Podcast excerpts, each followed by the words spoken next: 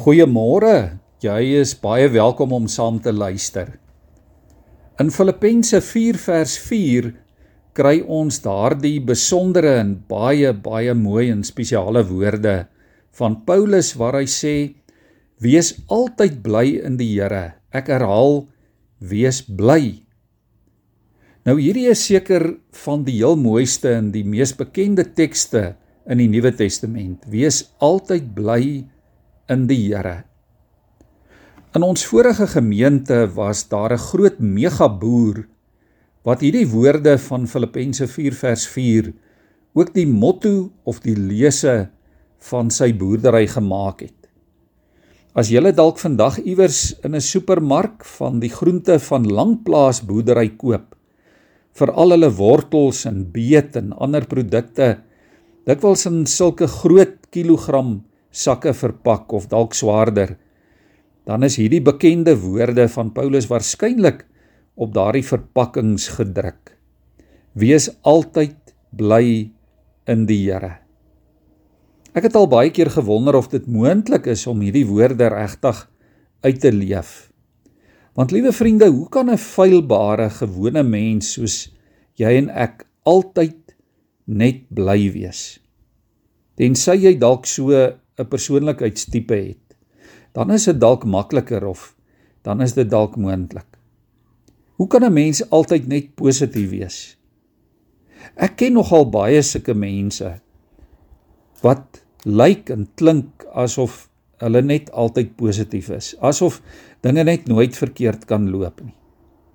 Soos wat Habakuk dit ook stel, selfs as die lande geen oes lewer nie en die beeskrale is sonder beeste en daar's geen drywe aan die wingerde nie. Dit is eintlik wat Paulus ook hier sê.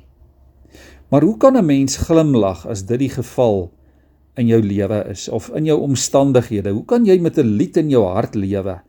Hoe kan vreugde elke dag deel wees van jou lewe en jy dit aangryp as jou omstandighede dalk spreek van die teendeel? En ons weet tog dit is ook die soort wêreld waarin ons lewe. Ons weet daar's baie mense wat letterlik nie kan bly wees nie omdat hulle omstandighede so haaglik is. Wat maak jy as siekte en onsekerheid en mislukking in menslike swakhede dreig om jou onder te kry? Kan jy dan nog sin? Kan jy dan nog bly wees? Natuurlik is hierdie soort blydskap nie iets wat deur omstandighede bepaal word nie. Dit word nie bepaal deur jou bui of hoe lekker jou dag is nie. Dit is 'n blydskap wat diep in jou hart lê, 'n blydskap wat jy kies deur 'n wilsbesluit. Dis 'n blydskap wat jy nie kan keer nie. Dit borrel op. Dit verras jouself elke keer. Selfs al lyk dinge om jou donker en selfs al is die lewe nie noodwendig 'n grap nie. Dis 'n blydskap wat vloei uit die Here se teenwoordigheid in jou lewe. Dis 'n blydskap wat ontstaan omdat jy weet dat die Here by jou is. Dit is gewortel in wie die Here is en nie in wie jy is en wat rondom jou of dalk binne in jou aangaan nie. Dis nie noodwendige blydskap wat gepaard gaan met 'n skaterlag of met uitbundigheid nie, maar wel met 'n tevredenheid en 'n rustige sekerheid dat God in beheer bly ten spyte en te midde van alles. Tog is dit ook 'n aansteeklike blydskap, 'n blydskap wat wat mense met wie jy elke dag te doen kry positief motiveer en beïnvloed. Dis 'n blydskap wat 'n wat 'n aangename geur in die wêreld versprei in 'n positiewe omgewing skep waarin mense ook kan ontspan omdat hulle hulle bekommernis, hulle swakhede aan die Here kan oorgee. Ek dink hierdie blydskap beteken 'n hemelse soort vrede in jou en in my hart. En daarom sê Paulus hierdie blydskap is geanker nie in onsself nie. Dis geanker in God en in hom alleen. Kom ons bid saam. Here, dankie vir hierdie besondere woorde in u woord.